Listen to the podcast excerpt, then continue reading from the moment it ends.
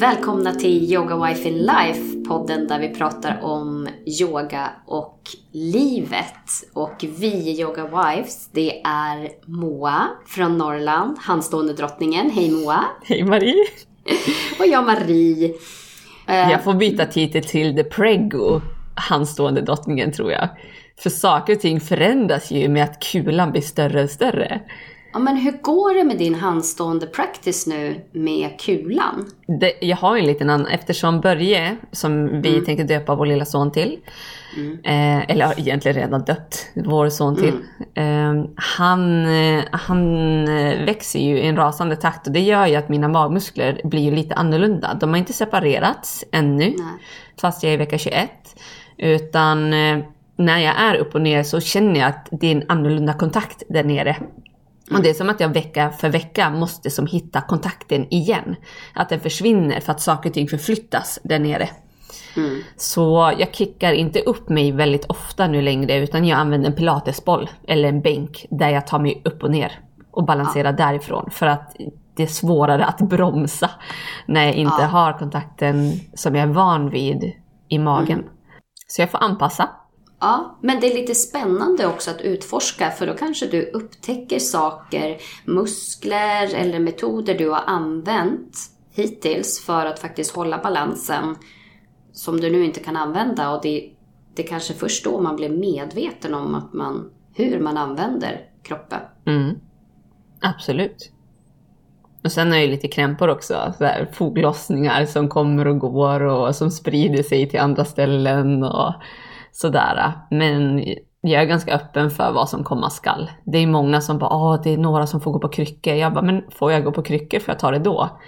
Men jag tänker inte redan nu börja bli orolig för att jag kanske kommer få gå på kryckor om jag får inte göra det. Det är för mycket energi som slösas till saker som jag inte vet kommer att hända. Mm.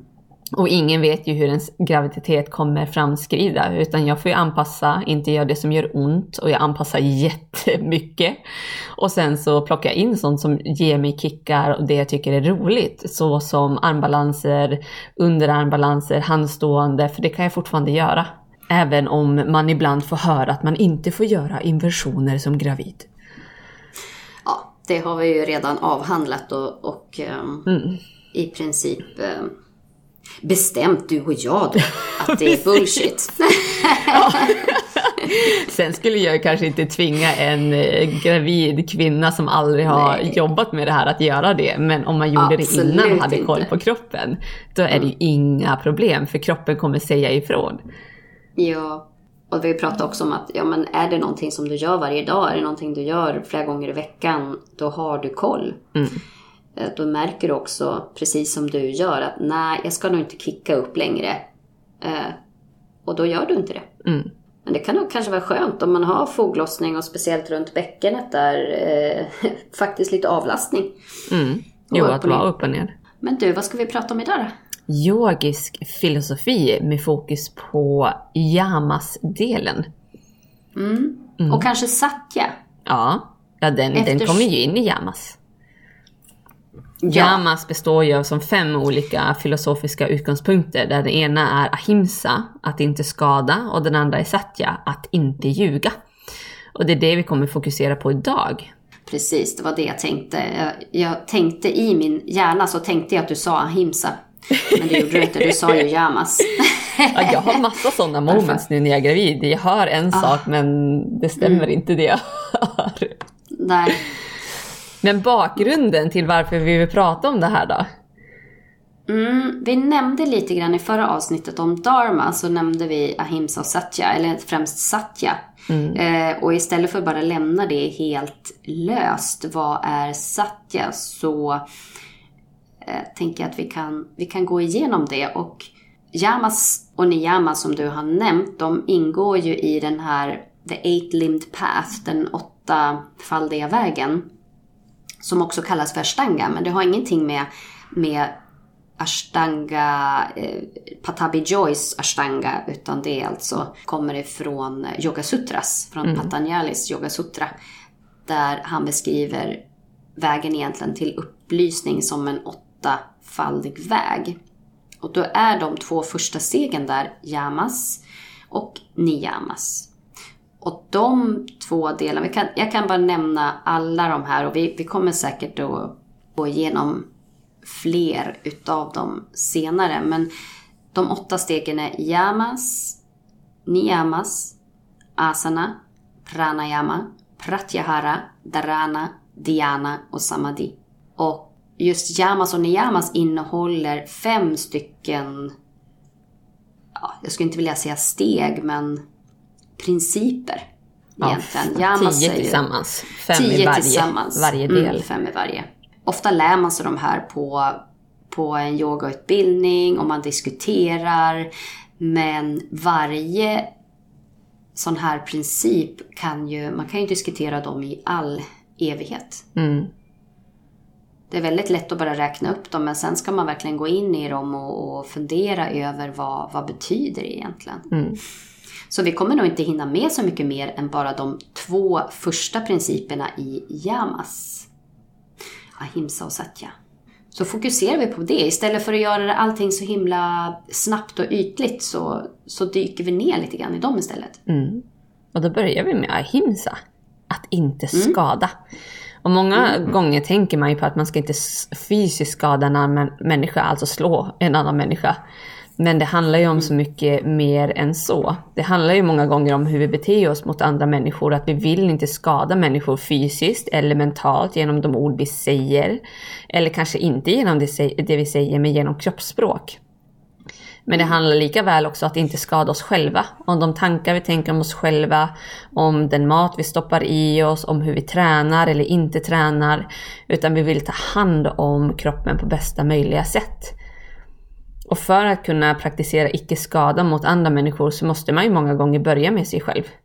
Hur behandlar jag mig själv? Hur tar jag hand om mig själv? Vad har jag för självbild? Vad har jag för sömnvanor? Vad har jag för kost? Vilka relationer har jag i mitt liv? Och när man har lite bättre koll på det, för det är inte alltid man tänker positiva tankar om sig själv i olika lägen. Mm. Om man kollar Nej, sig själv verkligen. i spegeln så kan det komma fram och gud vad tjock jag är eller om man är och tränar, gud vad svag jag är. Att man som jämför sig med andra människor. Att man, man kan inte vara nöjd med det man har just nu. Nej. Och det är ju det är ju ganska nedtryckande mot en själv när man går runt och tänker sådana tankar. Att man, man skadar ju sig själv. För man blir inte upplyft av de tankarna. Nej, och hur påverkar det alla andra om man går runt och tänker dåliga tankar om sig själv hela tiden? Jag tycker att det märks.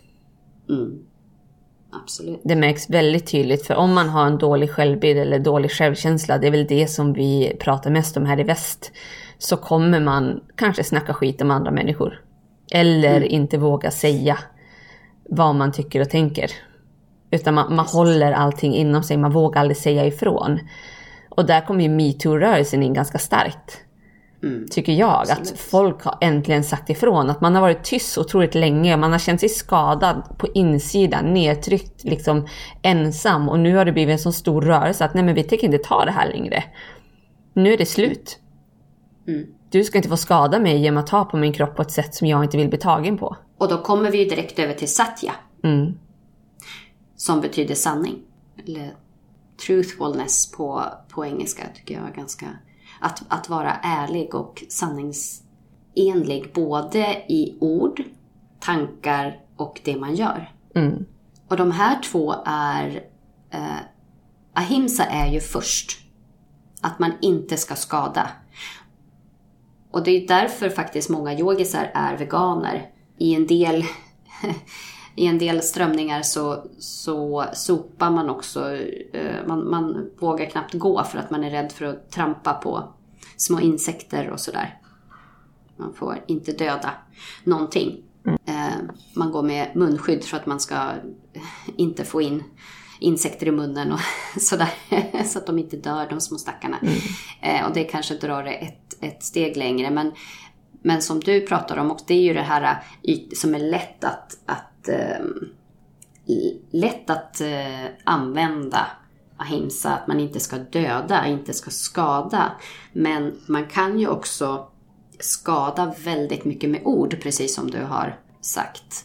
Men om man samtidigt då ska vara helt sanningsenlig som, som Satya pratar om, så kanske man, om man då är helt, helt sanningslös, säger sanningen hela, hela tiden så kanske man kan, kan såra och det vill säga skada någon annan. Så hur ska man då, hur, eh, hur hänger det här ihop egentligen? Det blir ju jättesvårt. Mm. Men där får man ju börja med att man behöver inte säga allt man tycker och tänker. Mm. För allt jag tycker och tänker är inte sant och då börjar ju arbetet redan i ahimsa att ja men varför tänker jag de här tankarna? Mm. För vissa barn säger det när de kommer fram till men gud vad tjock du är. Ja. Och det är för att det är det första de tänker på, det är det första som liksom ja. kommer ur, ur kroppen. Och det är ju värderingar de har med sig hemifrån, det här är en tjock människa. Mm. Men att innan man tar sig uttryck så kan man tänka efter ett varv. Och det jag tycker är fint att tänka efter är, är det här schysst? För det första, är det sant? Är det andra? Och det tredje är, är det nödvändigt? Exakt. För vissa, liksom, vissa är the truth speakers. De säger yeah. sanningen om allt och de tror att allt jag tycker, jag tycker är sant, det är sant. Mm. Och då har man ganska skev bild av sig själv. Att då praktiserar man inte alls ahimsa för då bryr man sig inte om hur den andra personen mottar budskapet. Mm. För här kommer ju kommunikation in. Och kommunikation är ju en av de svåraste delarna vi har i vårt samhälle. Det är därför det uppstår så otroligt mycket konflikter. För att man kan inte kommunicera med varandra.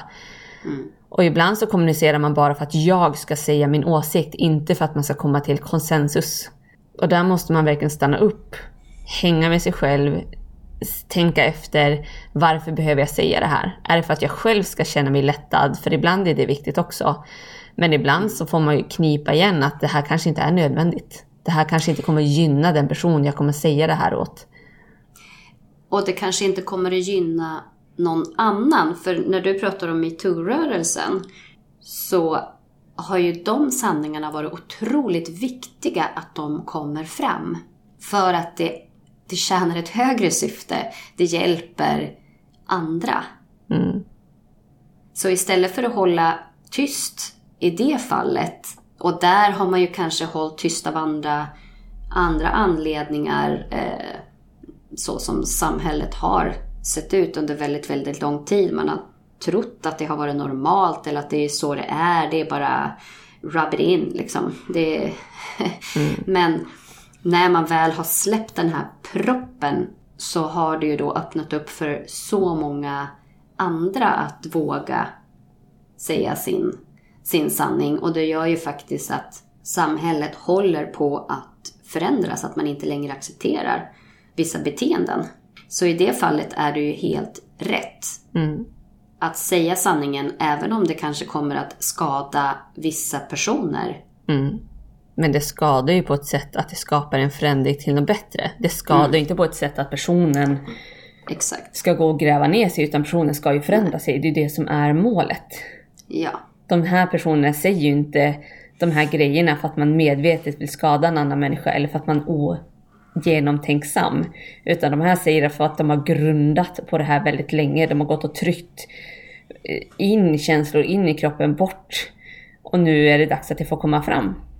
Mm. För att det är så många som har levt i det här förtrycket och det har varit så sjukt mycket grejer som har varit accepterat. Och bara man, jag såg en jättebra, eh, det var ett amerikanskt program där det är så många män. Bara, men hur ska jag göra nu? Får, inte, får jag inte ens kolla på en kvinna? Mm. Får jag inte ens ta den på axeln? Och då var det här programmet så himla bra. Där jobbar de väldigt mycket med kommunikation och ironi. Och då mm. Eh, visar de mot en man att det är helt okej okay att ta en kvinna på axeln, men det är inte okej okay att ta henne på röven. Och det vart så de här ytterligheterna så det blev så himla kul att, ja men vad tänker du med en människa? För de här mm. personerna som har gjort det här har ju inte tänkt. De har ju bara gjort och de har liksom kommit in i sitt patriarkat och gjort som alla andra män har gjort och man, man har bara varit i den här medhållsamheten. Och jag läste i VK, vår tidning här uppe i Norrland, då var det en man som jag skickade in att ja, får man inte ens gå på samma sida på trottoaren som kvinnor längre utan att de tar illa upp. Mm. Mm. Och man bara, fast då är du ju inte ens där. Då bryr du dig inte om hur ditt beteende skadar andra människor. Då är du bara liksom i din egna värld och bryr dig om dig själv. Att du vill fortsätta sliska på andra människor. Du vill fortsätta klappa brudar bruda på röven. För att du alltid har gjort det. Att det är jobbigt att göra en förändring. Mm. Och det är ju där Satya kommer in. Att man måste djupdyka i sin egen sanning. Att vad, vad är egentligen sanning och hur kan vi respektera andra människor? Ahimsa. Mm. De hör verkligen ihop. Det är inte mot, för man pratar ofta, ja men det är jättesvårt att hålla sig till, till sanningen om jag samtidigt inte ska skada. Mm. Men det ena ger det andra. Det, det handlar om att reflek reflektera helt enkelt. Och sen är ju frågan, vad är det för slags skada? Mm. Är det här ett personangrepp? Då är det ju skada. Eller är det här för att personen ska vakna upp och inse att det de gör är riktigt jäkla fel? Att ditt beteende är inte acceptabelt. Du som människa, sjukt fin människa, men ditt beteende, du får inte bete dig så här för det skadar andra människor. Och då beror det på hur man lägger fram det. Ibland så kastar man ju ur sig saker och ting när man är väldigt upprörd. När man kanske har gått runt och tryckt ner grejer väldigt, väldigt länge. Och så är det som att det är en atombomb som kommer ut. Och då blir det ju inte riktigt satya. Då blir det ju inte riktigt sanning. Utan då kan man ju gå till personangrepp att du din dumma idiot har gjort det här och det här och det här. Och då är man ju inte konstruktiv. Utan man måste vara konstruktiv i sitt sätt att lägga fram saker och ting på. Och har verkligen kommit fram till anledningarna. Bara och, och titta in i sig själv först. Och inte bara ta på sig andra människors åsikter hela tiden heller. Utan grunda i vad, men varför känner jag så här och gå djupt in. Ifrågasätta sig själv först också. Mm. Och det jag tycker att många behöver göra mer av, det är att sätta sig i någon annans skor. Mm. Försöka ställa sig i en annans... Är det indianerna som brukar säga att eh, säg ingenting om den här människan förrän du har gått visst antal mil i hans skor. Det var en, en eh, elev eller vän som skrev ett inlägg eh, igår tror jag det var om att hon hade haft en hemsk diskussion på jobbet. Jenny, hon lyssnar säkert. Om, med män framförallt som då uttrycker rasistiska åsikter. Att ja men vi har inte, vi har inte resurser att ta hand om alla flyktingar och sådär. Vad ska de hit och göra? Ut med dem bara. Och det ställer bara till problem. Så hon försöker ju ta den här, den här diskussionen med de här människorna då, som, som bara pratar förmodligen utifrån rädsla. Och att de bara tar på sig andra. Det, det blir lite stämning. man sitter i, en, i ett fikarum med andra sju personer som skrävlar och tycker saker. Och, och så tar man på sig deras åsikter istället för att fundera, ja, men de här flyktingarna som, som kommer. Och tänk om det skulle bli krig i Sverige. Du sitter i, i deras skor. Ställ dig där mitt i kriget med din familj. Det finns ingen mat. Bomberna rasar. Det kommer in soldater. Det, vad, vad gör du då? Ställ dig själv där. Och sen kommer du till ett nytt land. Och de människorna i det landet säger ut med skiten, ni är bara parasiter allihopa. Mm. När du egentligen bara vill ha, vill ha skydd för dina barn. Du vill ha möjligheten att eh, göra rätt för dig och faktiskt överleva. Om man tar sig den, den tiden att faktiskt ställa sig, sätta sig in i andra människors situation så får man ofta en helt annan förståelse också för hur de beter sig. Sen behöver inte det beteendet vara okej. Mm. Men då får man ta det. Då, då tar man den diskussionen och är, är ärlig. Men väldigt, väldigt ofta så saknar du inte bara i den här flyktingsituationen utan även man tycker att en människa är dum i huvudet som du säger. Mm. Eh, ofta beror det ju på någonting. Ensamhet, ofta. Att man känner sig isolerad. Oförstådd eller miss, missförstådd. Och sen eh, kommer vi till en annan del i kommunikationen, halvsanningar. Ja. Det är ganska ofta, jag kommer på mig själv att jag drar lite halvsanningar nu och då. Varför man är sen till olika möten. För vissa, man har ju vissa i sin omgivning som alltid är sen. Och när de kommer så kommer de med någonting jag upplever är en halvsanning. Att oj, nej men det här hände, det här hände, det här hände. Att det är alltid någonting, att man, man måste som förklara sig. Man kan inte bara säga nej men ja, jag tog längre på, tid på mig. Att man berättar hur det är. Mm. Eller om man typ har sprungit lopp. Att man överdriver de siffrorna. Mm. Eller jag, uppmärksammar att jag gör det, att jag rundar uppåt i vissa lägen. Och så kommer jag på mig själv, jag bara, men varför gör jag det?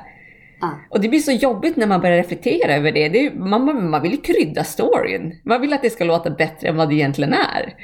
Ja.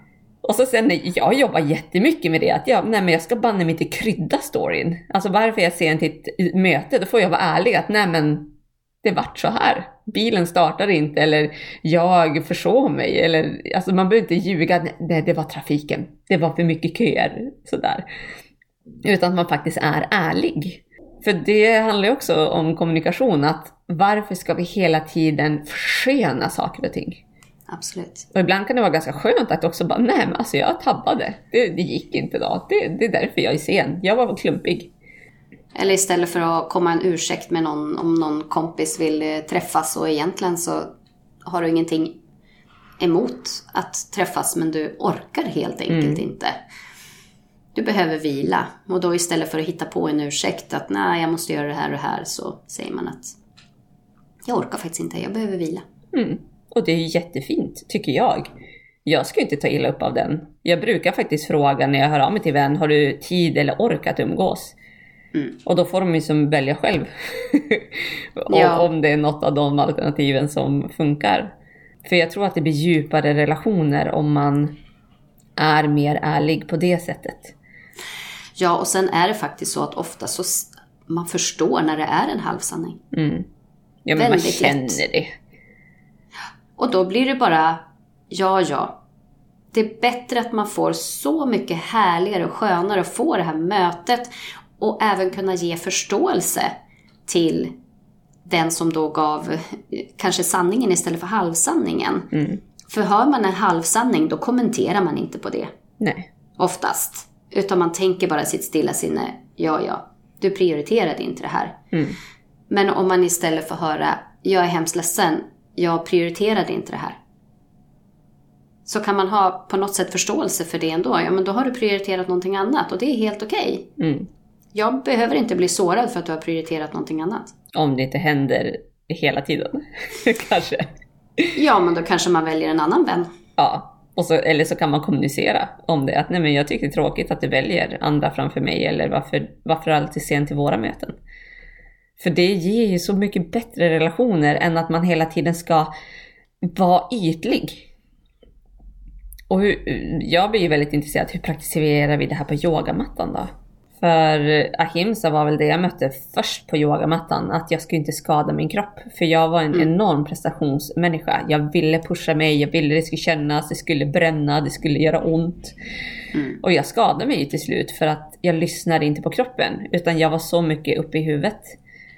Och efter ett tag så blev jag ju tvungen att börja lyssna på kroppen. Att jaha, det är det här som är för mycket. Det är det här som är för lite. Det här är när jag är lat. Det här är när jag är orkeslös. Att man lyssnar på kroppens kommunikation. Och att ahimsa är superviktigt på yogamattan. För det är där du lär dig att kommunicera med dig själv på ett klokare sätt. På ett bättre sätt. Och där kommer satya in också. Mm. Sanning. Vad är, vad är sant? Vad, vad är jag redo för? Vad är min kropp redo för? Var är jag i min praktik? Och att man får ta det för varje stund. Att bara för att jag är trött i början av klassen, jag kan vara hur pigg som helst efter en halvtimme för att jag fått igång energiflödena i kroppen.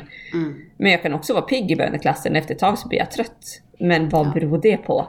Är det att jag har tränat mycket dagarna innan? Är det att jag är slö? Är det att jag är lat? Är det att jag... Ja, vad, vad beror det på? Och var ärlig i det och sen anpassa. För idag, jag anpassar min träning varje dag. Och det får man ju höra, man ska inte anpassa, man ska bara köra på, man ska kötta, kötta, kötta, man ska inte känna efter. Och jag tycker det är jätteviktigt att känna efter. Och då, då är det inte yoga. Nej. Om man gör så så är det inte yoga. Utan för att hitta satya då i din asana praktik så behöver man det här yogiska lugnet, stillheten, fokus, vända inåt för att kunna observera. Och hitta vad är det som är sant, vad är det som kommer upp. Och där tänker jag träning generellt.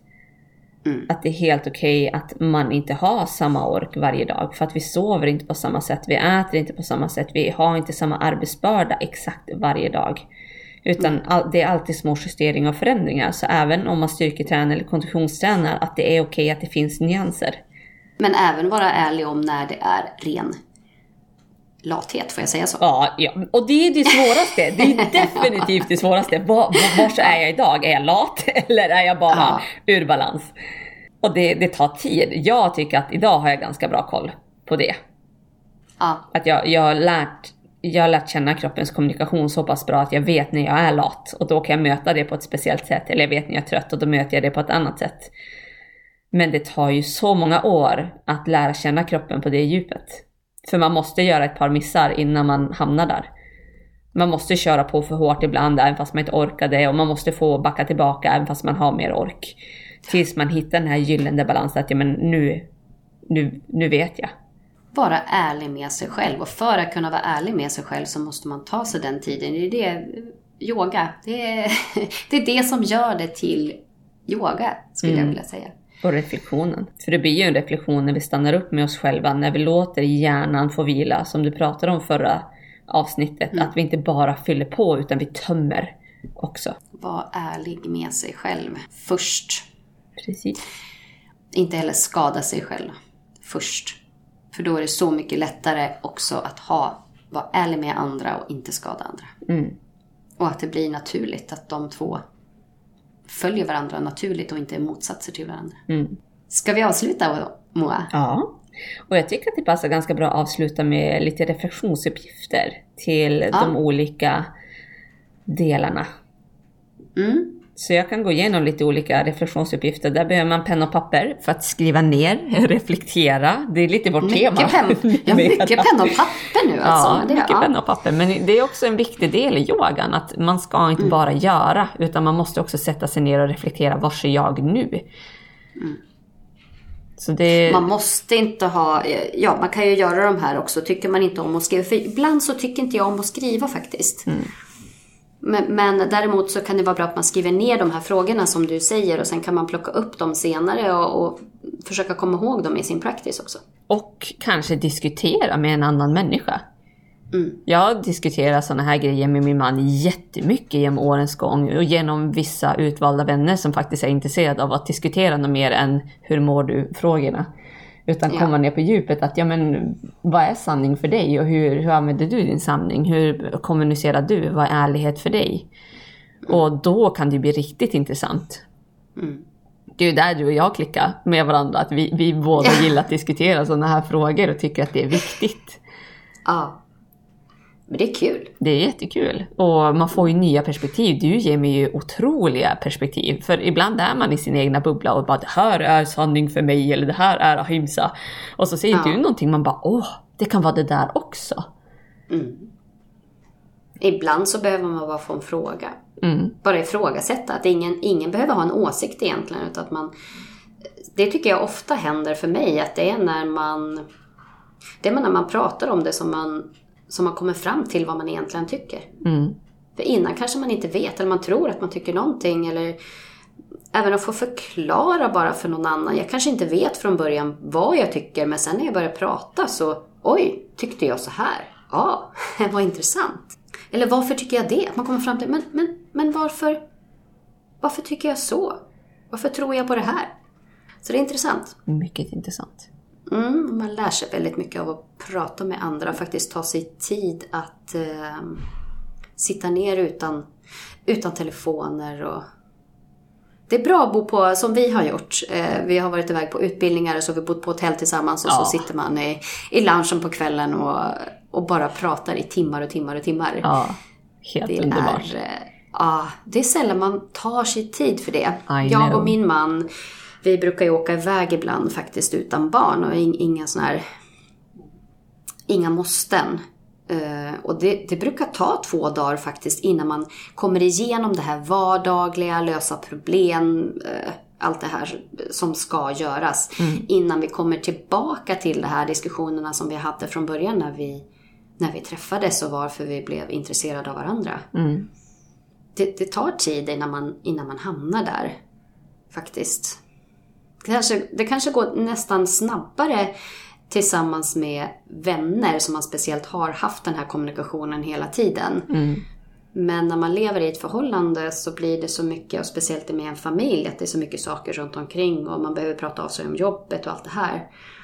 Så vi tar oss ganska ofta tid för att gå ut och äta middag eller så åker vi iväg på minisemester tillsammans för att komma igenom allt det där för att sen kunna sitta och prata om livet. Mm.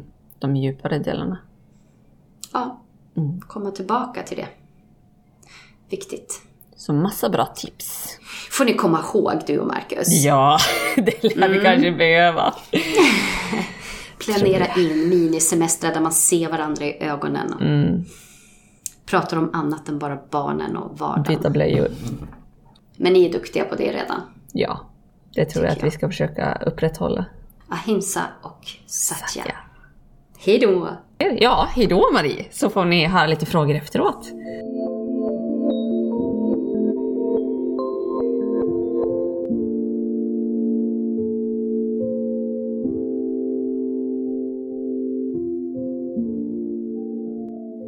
Då ska vi gå igenom de olika reflektionsfrågorna du kan ha till yogans filosofi.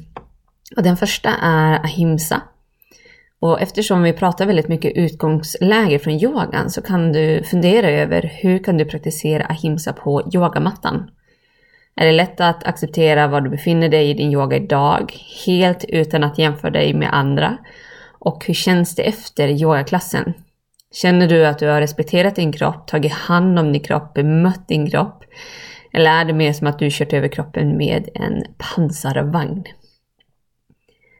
Den andra delen är hur kan du praktisera ahimsa i ditt vardagsliv?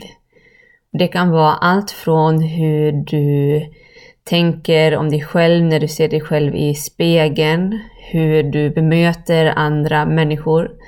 Är du medveten i alla situationer att det du gör med, genom ord, genom handling, genom kroppsspråk, hur det påverkar din omgivning? Och detta är ganska stora och breda frågor som är väldigt fint att diskutera med andra människor som du känner att du kan få en bra diskussion med. Men även att sitta och fundera för dig själv. Och i vardagslivet så kan du kolla på sömnvanor, hur din kost ser ut, har du relationer som du mår bra av, som ger dig mycket långsiktigt? Så du kan antingen skriva ner frågorna eller bära med dig dem och fundera på dem när du möter din vardag. Till Satya kan du fundera på om du brukar dra några halvsanningar. Om du ser inte ett möte eller inte har orken att umgås med en vän. Vad är det du brukar säga? Säger du precis som du är? Eller försöker du släta över det med något annat? Men även om du har varit med om någonting, om du överdriver den upplevelsen, försöker försköna den upplevelsen, eller om du är helt ärlig med hur upplevelsen var. Och den andra stora delen i Satya är ju då kommunikationen. Brukar du vara ärlig i din kommunikation? Eller håller du tillbaka för att inte göra andra personer ledsen? Och den stora frågan är hur hittar man balansen mellan att tala sanning utan att såra varken omgivningen eller dig själv? Hur hittar du balansen mellan ahimsa och satya? Att inte skada och att tala sanning. Från hjärtat, från ditt djup, men med en grov och stor eftertanke. Och du skulle kunna ta med dig att innan du säger din sanning eller innan du säger det du tänker och tycker, att du kan låta det gå igenom ett filter. Där du först går igenom om det du vill säga är sant. Den andra delen är om det är schysst. Och den tredje delen är om det är nödvändigt. Och många gånger kan mycket stoppas vid den sista punkten. Så ta dig en reflektion över detta. Låt frågorna få växa och gro och diskutera gärna med personer som känns intressant att diskutera det här med. Stort lycka till!